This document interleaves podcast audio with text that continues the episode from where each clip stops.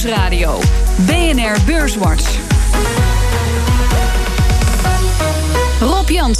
Welkom bij Beurswatch, het enige beleggingsprogramma op de Nederlandse radio met Najib Nakat van Hof Horneman Bankiers en Wim Zwanenburg van Stroeven en Lemberger Vermogensbeheer.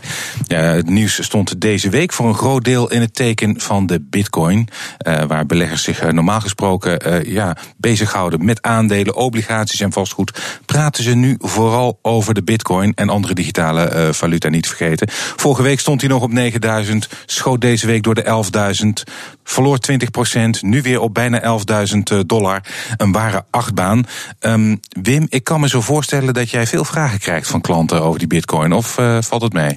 Er valt uh, eerlijk gezegd uh, wel mee. Uh, je hebt het over beleggen, maar ik vind het speculeren. Ik heb wel van de week een, een, keer een sessie belegd in mijn bedrijf... waar ik het een en ander nog heb toegelicht op de bitcoin. Ja. ja, de centrale banken en allerlei autoriteiten... die uiten toch voortdurend waarschuwende woorden. We krijgen er wel eens een enkele vraag van een cliënt over... maar ik vind het echt uitermate speculatief. de hoeveelheid die uiteindelijk aangemaakt kan worden per digitale currency eenheid. Die is beperkt en dat bepaalt dus ook uiteindelijk eh, de schaarste. Maar dit heeft echt alles weg van een uh, hype. Um, ik zag een uh, plaatje staan in, uh, in de Wall Street Journal uh, deze week. nou, het is de snelst groeiende asset binnen één jaar. in de geschiedenis. In de menselijke geschiedenis, inderdaad. Ja, ja. ja. En, en hij is al ouder dan, dan dat ene, ene, ene jaar. maar het is werkelijk ehm, Heel, uh, heel, heel verschrikkelijk eigenlijk. Uh, ja, uh, ik bedoel, dit, het is niet gekoppeld aan een reële eenheid. Ja. Sommigen zeggen wel, ja, je zou het misschien met goud kunnen vergelijken. Maar goud heeft nog meerdere uh, functies. Um, wat we wel zien, eh, dat werd ook in het nieuws al uh, vermeld. Uh, de futureshandel, die, die gaat er zich nu ook op instellen. Nou, dan krijgen we een soort tweede afgeleide. Dan speculeer je op andere speculanten. Ja.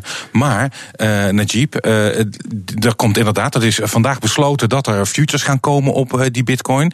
En ik heb ook gezien dat bijvoorbeeld een zakenbank als JP Morgan zich daar ook actief mee gaat bemoeien. Wordt het niet misschien toch een mainstream munt? Wat denk je?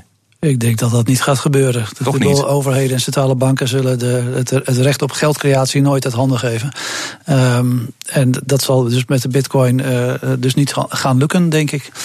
Het is wel zo dat die, uh, die introductie van de futures misschien op langere termijn zelfs de, de, tot een probleem kan leiden voor de, voor de munt. Hmm. Omdat het nu niet echt een goede manier is om te, te in te zetten tegen de munt. Ja, ja. Uh, maar nogmaals, wat, uh, wat Wim zegt, zijn we het helemaal mee eens. We krijgen er weinig vragen over, maar klanten stellen het wel op prijs dat we er uh, wat meer op, op ingaan. Ja. En onze conclusie is exact dezelfde. Niet, niet, aan beginnen. Ja. Kijk, het is een, als de ruileenheid is en als het als, nou niet echt als regulier betalingsverkeer, maar wel als betalingseenheid hè, wordt geaccepteerd ja, dan, dan is er iets mogelijk. Uh, vanuit de centrale banken en andere autoriteiten wordt er toch vooral gewaarschuwd dat dit ook uh, voor een deel uh, met witwasserij, money laundering en, en, dat soort zaken te maken heeft. Um, ja, uh, er is wereldwijd misschien wel behoefte aan een meer alternatieve uh, voor uh, de internationale valuta en de visareserves. Ja. Daar is ook al langer over nagedacht. Maar dit kan niet goed gereguleerd worden door de centrale banken. Dus zal uiteindelijk denk ik verboden worden. Nou ja, en ook door China, hè? dat zagen we een paar weken terug ook al. Nee, maar vanuit het perspectief van uh, zeg maar een Chinese miner, die die bitcoins aan het minen is, ja, die koopt zijn, uh, zijn computer in, uh, in renminbi. Ja. Die betaalt zijn elektriciteitskosten in renminbi. En hij krijgt iets wat internationaal verhandelbaar is ja. voor terug. Dus ja. er zijn wel wat incentives in het systeem, waardoor het nu zo geëxplodeerd is. maar ik denk niet dat het houdbaar is. Het elektriciteitsgebruik voor het, het, het, delven, het mijnen, het creëren zeg maar, van die cryptocurrencies, dat is ook enorm. dat is onverbazingwekkend. Ja, het, het, is allemaal digitaal. Ik wil het met jullie gaan hebben over concrete economie, namelijk die van Amerika. Maar ik wil daarbij ook het laatste nieuws toch wel even meenemen. Want meneer Flynn, we hoorden het eh, in het bulletin, meneer Flynn, de oud-veiligheidsadviseur van uh, Trump, heeft bekend dat hij contacten heeft gehad met Rusland. En dat, het, dat hij is aangestuurd door Trump, of het, in ieder geval het team uh, van Trump. En we zagen meteen een uh, reactie, uh, Najib. de beurzen dook in het rood. gevaarlijke situatie? Ehm, nou ja, op zichzelf voor de economie als geheel is het niet echt een gevaarlijke situatie. Ik denk dat deze reactie te maken heeft met het feit dat ze op dit moment de belastingplannen van, uh, van Trump uh, zeg maar voor stemming liggen. Ja. En dat de kansen hiermee uh, misschien duidelijk verminderd worden. En daar is toch ook een deel van de stijging, bijvoorbeeld van gisteren, heeft daarmee te maken. Ja. Het belangrijkste element natuurlijk is de verlaging van de, van de belastingtarieven voor, uh, voor bedrijven. Ja. Maar Wim, ik, uh, toen het bekend werd uh, van Vlin, dook het wel meteen even als een spike ja, naar beneden. Als we één ding gezien hebben dit jaar, dan hebben we gezien dat reacties op politieke gebeurtenissen uitermate kortstondig waren. Dat men daarna toch weer gaat focussen op de fundamentele waarden in de markten, ja. de ontwikkeling van de bedrijfswinsten met name, de wereldwijde conjunctuur en economische expansiefase waar we langzamerhand in zitten. Ik durf niet eens meer van herstel te spreken. Want het is echt al uh, veel meer expansie. En uh, ja, dan zijn die beursniveaus eigenlijk een bal die onder water wordt uh, geduwd. En de, vervolgens uh, wordt de veerkracht getoond. Hmm. Dus dat verwacht ik eigenlijk nu ook. Ja, Najib, over die economie gesproken. De groei van de Amerikaanse economie over het laatste kwartaal is naar boven bijgesteld. 3,3% op jaarbasis. Grootste groei in drie jaar tijd. In die periode heeft het land ook te maken gehad met verwoestende uh, orkanen. Een knappe prestatie lijkt me van de Amerikanen. Uh, zeker, maar, zeg maar kwartaalgroeicijfers zijn behoorlijk uh, volatiel. Mm. Als je zo naar de Amerikaanse economie kijkt van de afgelopen drie, vier jaar, zie je dat de groei rond de 2% schommelt. In ieder geval over 12 maanden gemiddelde. En dat wijkt niet heel veel af van waar de Europese economie uh, op dit moment uh, uh, groeit. En eerlijk gezegd, als je kijkt naar de groei in Europa en de, de, de vertrouwenscijfers, en de, de, niet alleen van consumenten, maar ook van, van het bedrijfsleven, zie je dat het in Europa bijzonder goed gaat. Ja. En dat moet je ook niet onder, onderschatten. Dus eigenlijk hier misschien nog beter dan in Amerika, Wim? Nou, ik moet wel zeggen dat dat cijfer in Amerika wel, uh, wel meeviel. En uh, ik heb ook even naar de onderliggende... In positieve zin bedoel je? In positieve zin. Ja. En ik heb ook even naar de onderliggende componenten gekeken... van waaruit dan hè, het totale bruto eh, binnenlands product bestaat. En wat je ook zag was dat de investeringen toch wel weer behoorlijk groeiden. Hmm. En ook dat men weer aan voorraadvorming deed. Dus dat betekent dat producenten, ondernemers verwachten dat er toch weer meer vraag uit de markt komt. Nou, in Amerika was ook uh, afgelopen kwartaal wel onzeker hoe het verder gaat met uh, uh, de handelsovereenkomsten, de. NAFTA en dergelijke dingen. Maar men heeft daar dus toch optimistische gevoelens over en dat stimuleert de economie. Ja. En ook de bestedingen, die, die nemen weer wat toe, dus de, de consumptieve bestedingen. Dus ook die Amerikaanse economie ik uh, verwacht toch dat uiteindelijk, en dat zien we ook wel in de ramingen voor 2018, dat de Amerikaanse economie zelfs nog op een iets hoger groeiniveau uitkomt dan de eurozone. Ja. Je, uh, ziet, je ziet wel dat de, Amerika, de Amerikaanse economie op volle capaciteit draait inmiddels. Mm. En Europa loopt daar een jaartje op achter. En de chip, als ik kijk naar de bezettingsgraad in het bedrijfsleven, dan zit die nog zo ongeveer op 78 procent. Dus ik zie dat ook uh, de afgelopen jaren, er is veel discussie geweest tussen economen. Ook is er wel of geen groei in de productiviteit. Nou, die begint in Amerika ook weer uh, toe te nemen. Dus ik, uh, en, en men heeft ook uh, de trendcapaciteit afgelopen jaren steeds lager ingeschat naar 2007, 2008. Dus ik denk dat die Amerikaanse economie misschien toch wel flexibeler is dan wat we dachten. Maar als je kijkt, hè, je noemt trend, dan denk ik aan hoe lang is die groei nou al gaande? dat is wel een hele lange periode inmiddels, Najib, voor die Amerikaanse economie. Ik zou bijna zeggen, tijd voor een recessie. Um, ja, kijk, de, de, de, neergang in 2008, uh, 2009 was ook heel groot. Uh, ja. De economie heeft echt deze periode, de afgelopen periode, nodig gehad om dat uh, weg te werken, dat, uh, dat herstel te realiseren. Ja. Je ziet ook in Europa hoe lang dat geduurd heeft. Dat is natuurlijk wat vertraagd door de eurocrisis van 2011, ja. wat je in Amerika natuurlijk niet gehad had, hebt. Um, maar inderdaad, het duurt vrij lang. En om even terug te komen op het verhaal wat ik net zei. Ja, de Amerikaanse economie draait zo ongeveer op de volle capaciteit. Nou, daar mm. verschillen de meningen wel een beetje over. Maar mm. je kan wel zeggen dat er sprake is van op dit moment van volledige werkgelegenheid. Of vrijwel mm. volledige werkgelegenheid. Uh, dat betekent een aantal dingen. Maar als je naar het verleden kijkt, betekent in ieder geval dat de economie zeker nog een jaar of één tot drie kan groeien voordat er überhaupt sprake is van, van een recessie. Omdat we eigenlijk net pas draaien op volle capaciteit. De expansieperiode die is inderdaad al uh, heel lang op, op, op, gang. Maar het niveau van deze expansie-herstelfase... dat was wel behoorlijk veel lager dan eerder recoveries. Ja. Dus ik denk dat die ook langer kan, kan duren. En bovendien, ja, we leven ook in een tijd van een transitie, van een transformatie. Een grotere impact van de technologie sector. Dus ik heb me ook wel met anderen verbaasd de afgelopen jaren dat die arbeidsproductiviteit eh, en de geringe groei daarvan zo laag werd ingeschat.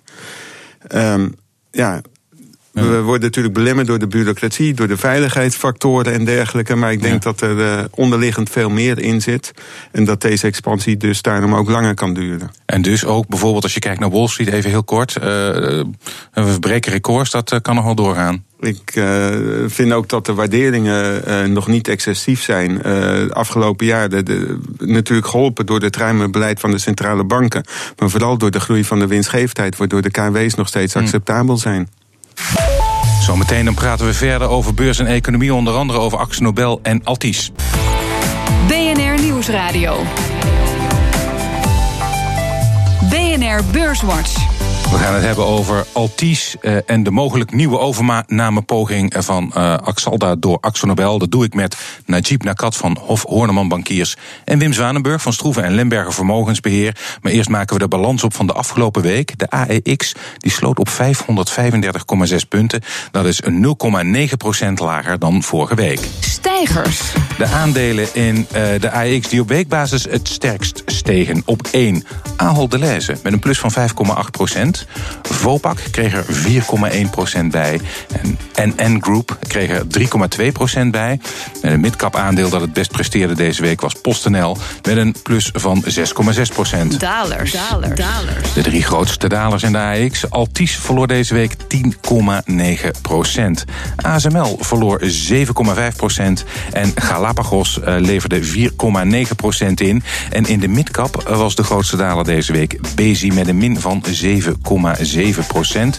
En de AEX is deze week vier van de, van de vijf handelsdagen lager gesloten.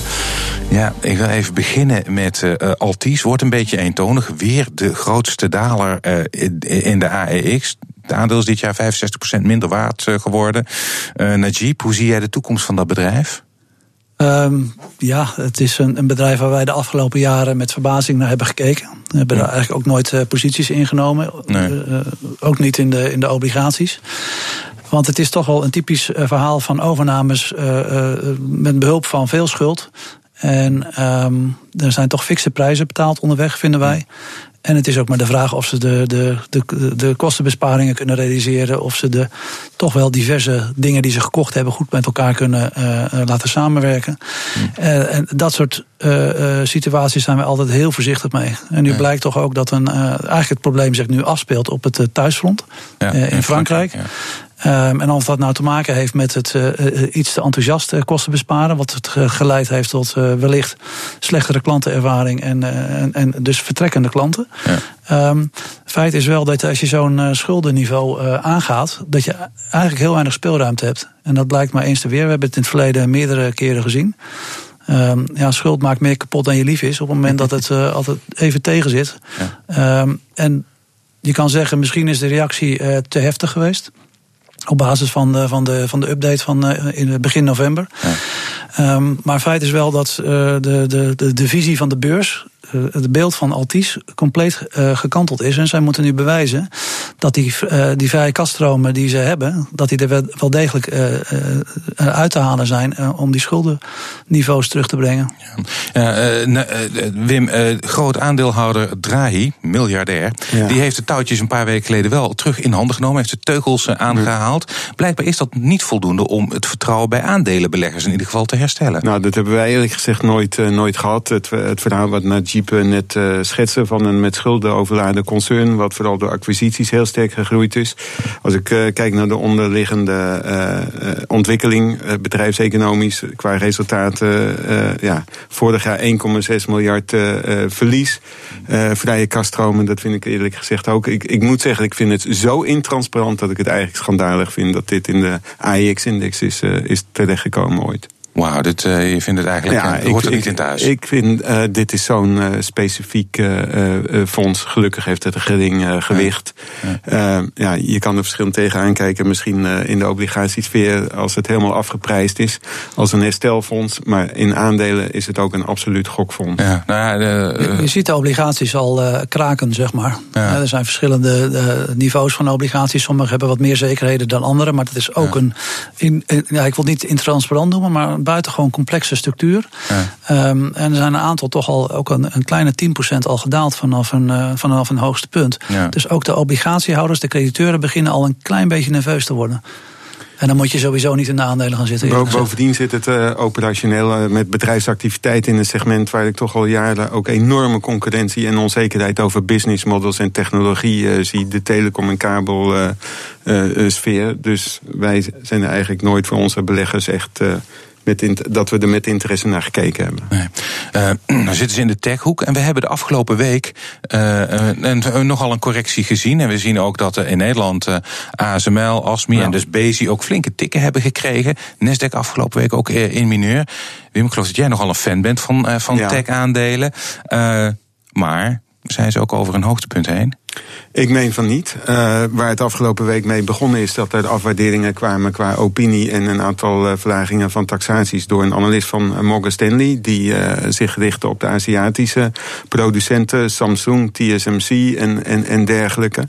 En dat was vooral in de sfeer van de geheugenchips toch denk ik dat uh, daar ook nog veel meer in het vat zit. De sterke drivers voor steeds meer sensoren, chips in de automotive sector, Internet of Things, virtual, augmented reality, allerlei nieuwe soft- en hardware applicaties. Dus ik denk dat die cyclus voorlopig nog fors doorloopt. Denk jij dat ook naar Jeep? Uh, nou, zo specifiek als, uh, als Wim zit ik er niet in. Uh, maar je hebt natuurlijk de afgelopen rally, zeg maar, mm. van de afgelopen vijf jaar, heb je al een paar keer eerder gezien dat eigenlijk uit het niks even een correctie kwam. Ja. Ehm, ook natuurlijk omdat de stijgingen heel, heel, heel fors zijn geweest. En dat het daarna eigenlijk de onderliggende trend door hebben zien gaan.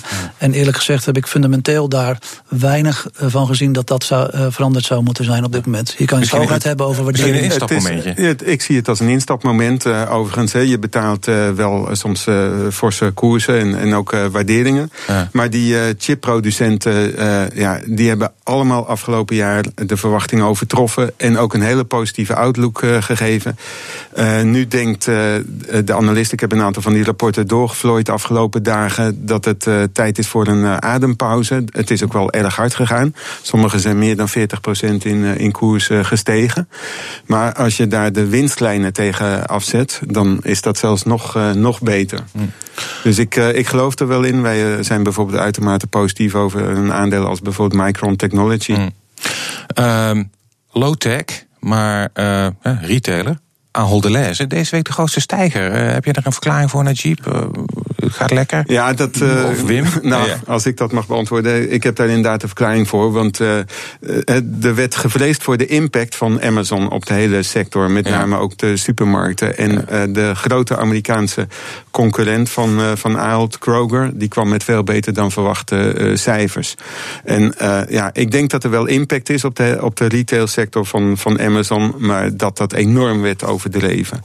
Ik denk dat je, je toch. een soort herstel eigenlijk van wat er in het van de tik die Aal, Delhaize en, en, en, en de andere. Nu was wel bij Kroger, daar zag je ook de groei uh, in vorige kwartalen wat, wat afzwakken, maar nu een herstel.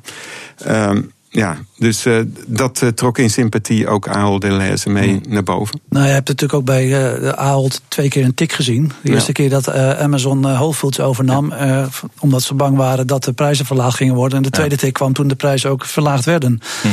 Ehm, nou, je ziet wel vaker dat er een overreactie is. En daar, daar heeft het herstel, dit herstel ook mee te maken. Als we dan kijken naar andere, ja, typisch Nederlands bedrijf mogen we zeggen, onze nationale trots als het gaat om verf, Axonobel. Die wilde het Amerikaanse Axalta overnemen. Dat is een grote maker van uh, autolakken. Werd aanvankelijk overtroefd door Nippon Paint, maar die is toch afgehaakt. En volgens Bloomberg vandaag zou Axonobel een, een nieuwe toenadering, of eigenlijk wordt het dan een fusie als het goed is, zouden ze uh, overwegen.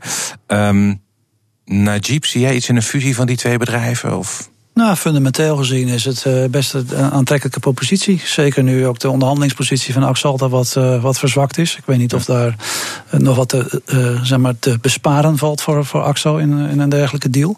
Maar fundamenteel gezien is het een, natuurlijk een hele aardige toevoeging voor, voor het productenpalet van, van Axo. Hmm. Wim? Ja, ik erger me gewoon aan tegenstrijdige berichten die uit de top van, van Axo komen. Ook wat ze hebben toegelicht op de Exalta-deal en ja. op de nog maar zeer recent gehouden bijzonder de aandeelhoudersvergadering. Ja, er werd gesproken over een, uh, over een fusie, een benadering van een gelijkwaardige partner. Uiteindelijk, hè, want men wilde niet uh, spreken over een overname, want dan had men al een premie ook uh, moeten betalen. Hmm. Vervolgens komen de Japanners eroverheen, die zijn wel bereid een premie te betalen, maar die was uiteindelijk niet hoog genoeg. Uh, mogelijke uh, moeilijkheden met, uh, met de financiering uiteindelijk. En vervolgens zegt AXO dat ze dan toch wel weer mm. terug willen. En dit allemaal om PPG van het lijf te houden. Ik vind het een zwalkende ondernemingsstrategie. En dus ook wegblijven bij als belegger? Uh, we beoordelen eigenlijk aan belegging, ook als er sprake is van overnamespeculatie, altijd op zijn eigen merites. En dan moet ik zeggen dat AXO al jaren een teleurstellende groei laat zien. Mm. En, en als je dat afzet tegen bijvoorbeeld PPG, maar ook bijvoorbeeld mm. als een wereldleider in paint als uh, Sherwin Williams, mm. die nu ook bijvoorbeeld met het overgenomen Valspar en met Valspar verven ook AXO Nobel op de eigen Nederlandse markt gaat beconcurreren. Najib, uh, zie jij, wat vind jij van het aandeel AXO Nobel? Ook laten liggen of zeg je van nou... Nee, nou, we hebben daar een kleine positie in. Um, uiteindelijk is, is AXO door het, uh, wat Wim terecht noemt, het zwalkende beleid mm. toch uh, verzwakt. En er ja. is wel consolidatie gaande in de, in de sector. Ja. Ik moet ook zeggen dat we ook PPG in de portefeuille hebben. Ja, ja. Um, we zijn alweer bijna aan het einde van de uitzending gekomen. En dan mogen jullie altijd een tip geven voor de luisteraar naar Jeep. Uh, wat zou jij de, de luisteraar adviseren? Mag van alles zijn. Aandeel, obligatie, vastgoed. Um, ja, sorry, ik heb deze week helemaal niets bij me. Nee, je hebt geen, geen tip uh, voor de. Nou, dan is de nou, floor uh, yours, uh, Wim, zeg het nou, maar. Dan, dan doe ik ook een dubbelslag, want dan heb ik er wel twee. okay. Dan zou ik zeggen Nvidia, dat is in de technologiesfeer, waar je een hele forse koerswinst betaalt, maar ook een hele hoge groei zit. Dit is voor, de, voor de videoschermen enzovoort leveren die de chips met name. dus in de technologiesfeer enigszins wel op groei gericht. Ja. Maar kijk je voor een stabiele groeier, meer een waardeaandeel, dan kom ik met Mars en McLennan. MMC, Wat is dat? Dat is niet zo'n hele bekende. Het is een insurance broker die zeg maar de verzekeringscontracten voor de grote concerns regelt. Mm -hmm. Maar heeft ook een consultancy arm. Oliver Wyman is een opkomende firma en Mercer. En die komen steeds meer voor in de rangen ook van de McKinsey's van deze wereld. We leven in een kennisintensieve economie. En als je kijkt over de afgelopen tien jaar heeft het meer dan 10% per jaar opgeleverd. Afgelopen vijf jaar zelfs meer dan 20% per jaar. En ook de groei van de winst per aandeel is tamelijk stabiel, 10% en meer. Noem nog één keer de naam. MMC en de onderneming heet Marsh McLennan. Marsh McLennan. En daarmee zijn we aan het eind gekomen van deze aflevering van Beurswatch. Ik dank mijn gasten van vandaag, Najib Nakat van Hof Horneman Bankiers en Wim Zwanenburg van Stroeven en Lemberger Vermogensbeheer. Volgende week is er natuurlijk weer een Beurswatch. Deze uitzending die kunt u naluisteren op de website van BNR of via de BNR-app. En heeft u nog vragen, dan kunt u mailen naar beurswatch.bnr.nl of een tweet sturen naar Rob. Dank voor het luisteren.